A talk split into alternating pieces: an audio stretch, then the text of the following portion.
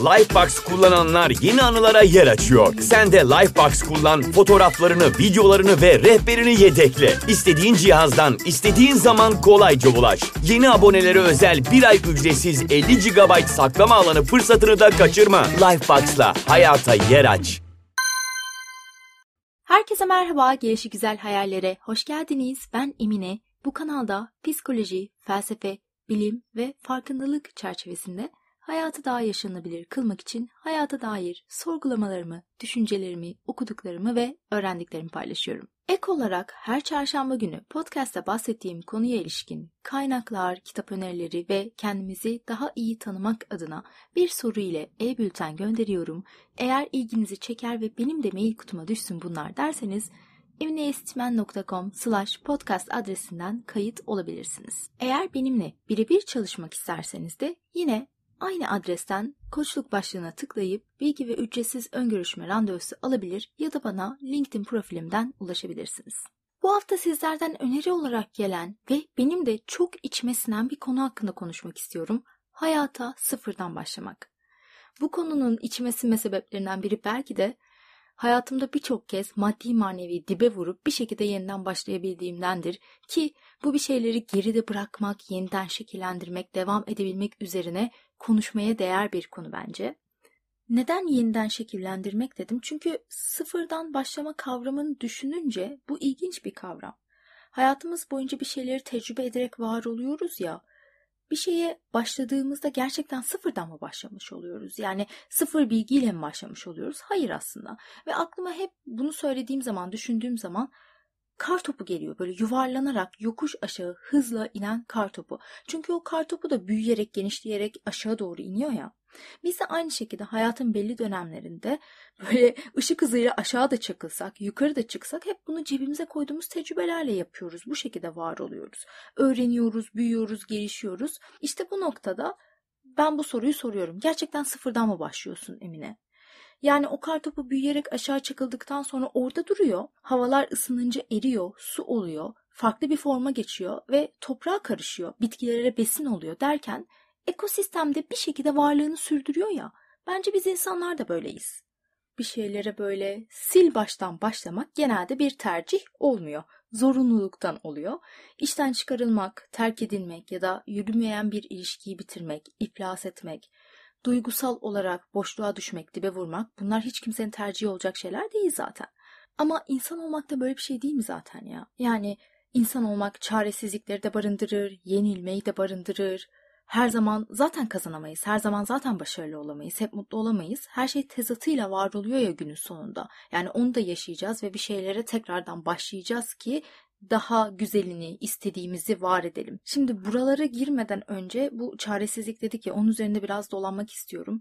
Çünkü bir insan dibe vurduğunda yaşadığı en yoğun duygulardan bir tanesi çaresizlik bana kalırsa.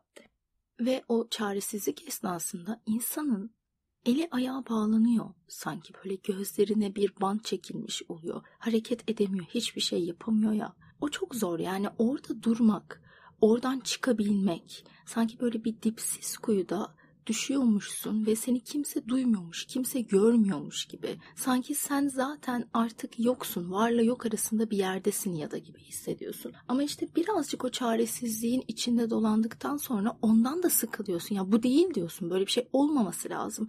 Bunun bir çıkış yolu olması lazım.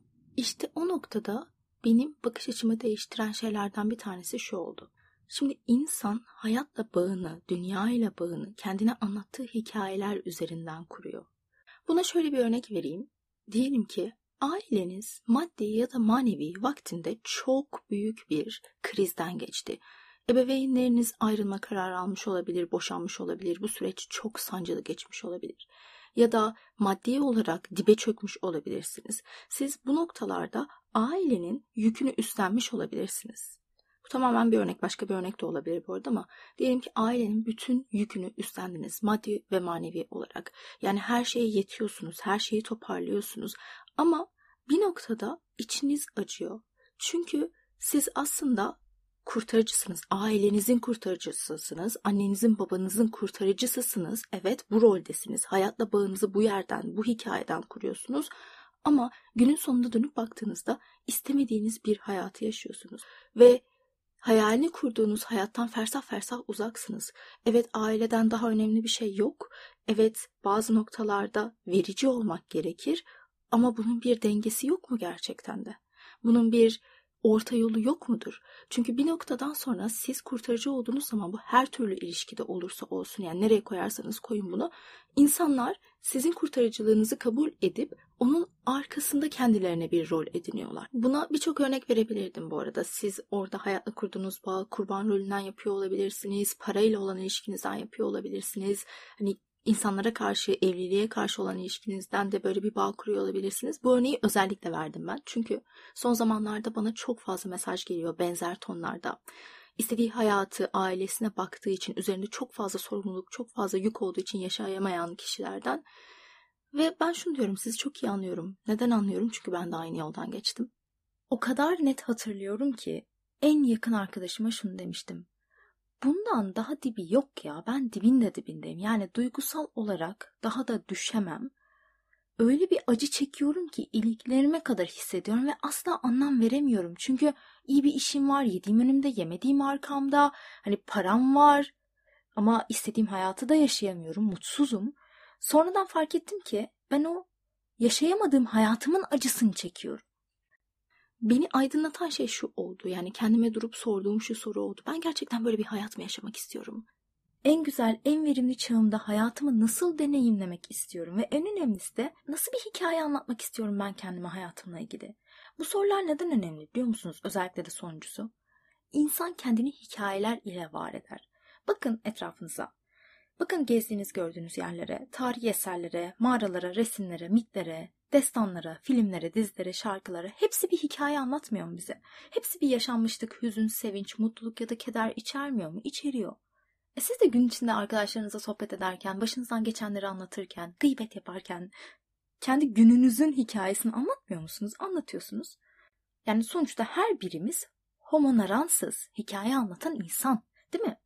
Ve kendimize anlattığımız hikaye ya da hikayeler bizim dünyayla nasıl bir bağ kurduğumuzun göstergesi arkadaşlar. Kim olduğumuz ve kim olabileceğimizi bize söyleyen, kendimize anlattığımız ya da bize anlatılan ve bizim sorgulamadan inandığımız hikayelerdir da bahsettiğim gibi insan homonaranstır. İnsan hikaye anlatarak var olur. Bu şekilde dünyayla bağ kurar. Ve siz dünyayla kurduğunuz bağınızı gördüğünüz zaman, bunun farkında olduğunuz zaman bir dakika ya diyorsunuz. Orada hikayeyi değiştirme şansınız olduğunu fark ediyorsunuz. Anlatabiliyor muyum? Yani biraz daha kontrol sizde gibi hissediyorsunuz.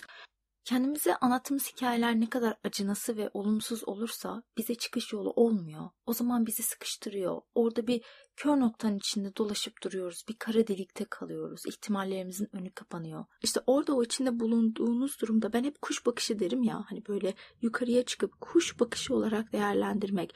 Daha farklı hayatların var olduğunu hayal edebilmek. Daha farklı yaşanmışlıkların var olduğunu, yaşanacakların, yaşanacak şeylerin, hikayelerin var olduğunu hayal edebilmekle başlıyor. Bunu istemekle başlıyor. Ondan sonra zaten gerisi geliyor. Ve inanın sizin kendiniz için attığınız o adım en başta bencillik gibi gelse de, küskünlükler, kırgınlıklar getirse de, siz kendinizin kurtarıcısı olmayı seçtiğiniz zaman herkes kendinin kurtarıcısı olmayı seçiyor ve diğerlerini de olumlu yönde etkiliyorsunuz.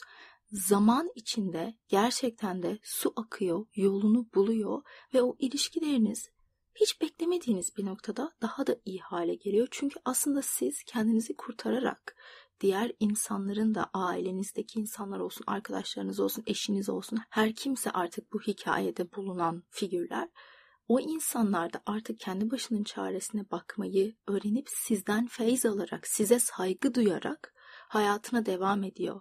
Ve işte orada sıfırdan başlamak dediğimiz ya da yeniden başlamak dediğimiz şeyler oluyor ve yeniden başlamak güzel bir şey ya.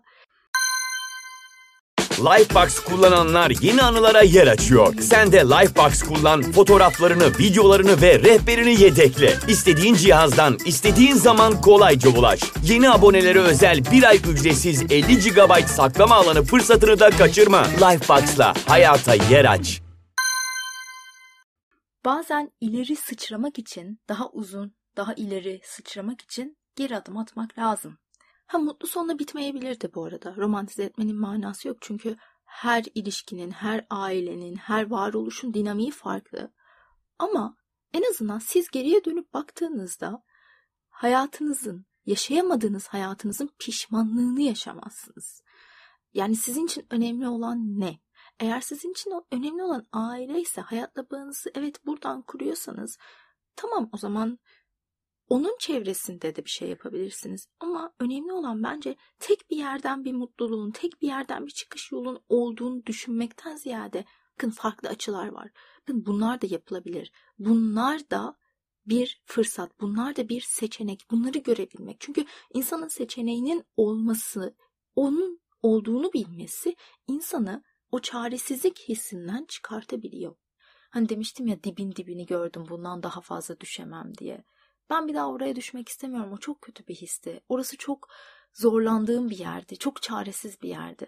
Ve gerçekten de bölümü çekerken de şöyle bir düşündüm. Baktım geçmişe doğru bir muhakeme yaptım. Kendimce, kendime koyduğum hedefler doğrultusunda çok da güzel istediğim bir hayatı yaşadım. Hak ettiğimi düşündüğüm hayatı yaşadım, yaşıyorum. Umarım böyle de devam eder. Ve içsel huzurum var. Her şeyden önemlisi bu yaşta olmak istediğim kafa yapısında, olmak istediğim olgunluktayım. Bunu oldum bitti tonunda söylemiyorum bu arada ama öğreniyorum, olgunlaşıyorum. Her bir gün daha da evriliyorum ve bundan keyif alıyorum. Yani yapmak istediğim şeyleri yapıyorum. Çok zevk aldığım işleri yapıyorum. İnsanlarla olan ilişkilerim, hayatla olan ilişkim, kendin, kendimle olan ilişkim tam da olmasını istediğim şekilde. Yani benim o zamanlar hayal ettiğim şekilde. Şimdi hayatıma ne gelirse gelsin bir daha oraya düşmemek için kendimi gerçekten ekipmanlarım varmış gibi hissediyorum. Duygusal ekipmanlarım, başa çıkabilirmişim gibi hissediyorum ki bence bu çok önemli. İşte o yüzden kendimize anlattığımız o olumsuz hikayeyi bıraktığımızda, kendimizi sabote etmeyi bıraktığımızda o zaman bir şeyleri yeniden başlayabiliyoruz o hikayeyi yeniden seçip yeni bir sayfa açabiliyoruz. Hani derler ya yeni bir sayfa açtım hayatımda diye. Ya da belki o yeni sayfa da olmadı. Yırtıp tekrar yazabilirsiniz. Ya da mükemmelliyetçiliği bir kenara bırakıp üstünü çizip devam edersiniz. Yani size kalmış.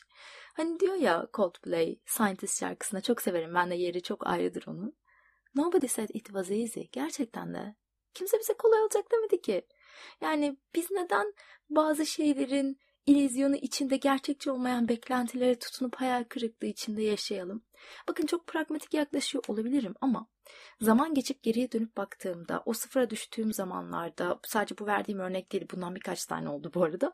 Her şey bitti sandığımda aslında o hayatın bana hizmet etmeyen devrini kapatmam için bir fırsattı ve onu değerlendirmek de değerlendirmemek de benim elimdeydi. Yani tekrar edeyim ilişkiniz bitmiş olabilir. İşten çıkarılmış, batmış bütün paranızı kaybetmiş olabilirsiniz. Bunlar insanın gururunu, benlik algısını zedeleyen şeyler. Ve istemsiz olarak ekon devreye giriyor. Hayatını sorguluyorsun, geçmişe tutunmaya çalışıyorsun. Ama orası en çok gitmemen gereken yer aslında.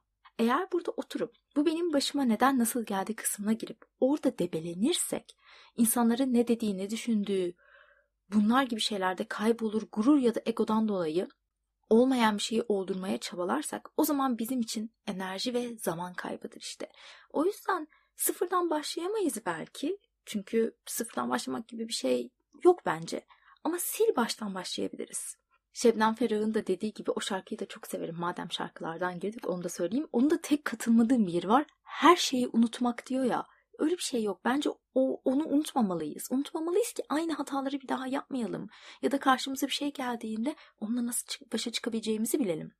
Geçmiş değiştiremiyoruz, olanları geri alamıyoruz ama cebimize koyduğumuz tecrübelerle yeni bir gelecek yaratabiliyoruz. İşte bunu da şimdi de yapabiliriz. Şimdi elimizde ne var? Bununla ne yapabilirim odaklanıp ve bu beni gelecekte nasıl bir hayata götürürün vizyonunu çizerek yapabiliriz bence. Danışanlarımla da en çok yaptığım şeylerden bir tanesi bu hayal etmek, görselleştirmek, vizyon oluşturmak, hayata dair vizyon belirlemek. Neden? Çünkü kendi hedefinizi, sizi motive eden hedefi gözünüzde canlandırmak, hayal etmek beynin bazı bölgelerini çalıştırıyor. Bu prefrontal korteks dediğimiz hedef koyma, planlama bölgesi ve dopamin salgılıyorsunuz. Yani ödül sisteminiz harekete geçiyor. Haliyle motivasyonunuz artıyor. Ayrıca görselleştirdiğiniz zaman duygularınız pozitif yönde teşvik edildiği zaman kaygınızı da azaltıyor. O yüzden ben ve benim ekolümden gelen koçlar görselleştirmeyi aksiyon almaya ve planlamaya yönelik bir araç olarak kullanır. Onun dışında ufak da olsa harekete geçmek, minik de olsa bir yerden başlamak, alakasız da olsa bir şeyi değiştirmek işe yarar. Bu eşyaların yeri olur, tarzınız olur, bazı alışkanlıklarınız olur, her şey olabilir. Çünkü hareket devinim getirir. Bir de benim hem kendimde hem danışanlarımda çok faydasını gördüğüm bir şey daha var. Kendi mektup yazmak şefkatli, yapıcı bir dille, motive eden ve tabii ki gerçekçi bir dille bundan 1, 2, 3, 5, 10 sene sonra böyle açıp okuyacağınız bir mektup yazmak. O mektupta zorlukları nasıl aşacağınızdan, nasıl bir hayat yaşayacağınıza, nasıl hissedeceğinize, ne tür insanlarla beraber olup ne tarz işler yapacağınıza kadar dilediğiniz detayı verebilirsiniz. Mükemmel bir görselleştirme yöntemi aynı zamanda. Ama derseniz ki Emine benim desteğe ihtiyacım var. Ben artık bazı şeyleri geride bırakıp yeni sayfaları açmak istiyorum ama tek başıma değil bunu bir koç ile yapmak istiyorum. O zaman bana nereden ulaşacağınızı biliyorsunuz. Açıklamalardaki linkten ücretsiz ön görüşme randevusu oluşturabilirsiniz. Bu arada hazır konusu açılmışken bir konuda size teşekkür etmek istiyorum. Bazen gelen danışanlarıma soruyorum. Diyorum ki beni nereden buldunuz? Çünkü podcast'ten gelenler direkt zaten podcast'te dinliyorum diyor. Podcast'ten gelmeyenlere de soruyorum. Beni nereden buldunuz? Eşi, partneri, arkadaşı böyle beni dinleyip de kendilerine bir sorununu açtıklarında sana destek olsa olsa emine olur diye bana yollayan bir kitle var. Teşekkür ederim bana güvendiğiniz için. Yani ne mutlu bana bu güveni inşa edebildiysem. Son olarak burası benim için önemli. Lütfen durdurmayın. Bu konularda destek istemek benim için zor, çok kolay bir şey değil. Ama 3 senedir aramızda böyle bir samimiyet oluştuğuna inanıyorum. Ve ben de yardım isteyebilmek üzerine çalışıyorum son zamanlarda. Bu podcast'ın arkasında minimum 7-8 saatlik hatta bazen 10-12 saatlik bir emek var.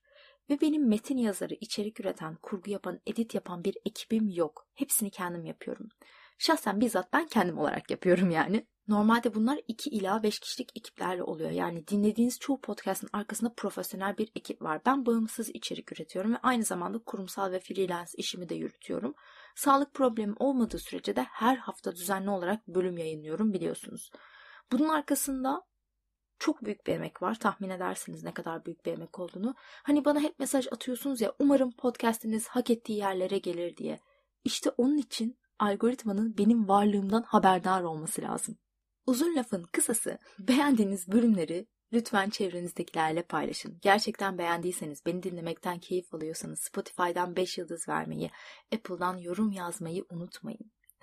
Ne kadar büyük bir etkisi olduğunu, bu podcast'in sürdürülebilirliği için nasıl bir fayda sağladığını tahmin bile edemezsiniz. Ben 3 senedir çok zevkle yapıyorum. Hala daha çok konuşmak istediğim konu var. Ulaşmak istediğim bir sürü insan var. Yani sonuçta podcastler dinlenmek için yapılıyor değil mi? Bu minik ricamı buraya bırakayım. Alıp almamak size kalsın. Kendinize çok iyi bakın. Hoşçakalın. Haftaya görüşmek üzere. Lifebox kullananlar yeni anılara yer açıyor. Sen de Lifebox kullan, fotoğraflarını, videolarını ve rehberini yedekle. İstediğin cihazdan, istediğin zaman kolayca ulaş. Yeni abonelere özel bir ay ücretsiz 50 GB saklama alanı fırsatını da kaçırma. Lifebox'la hayata yer aç.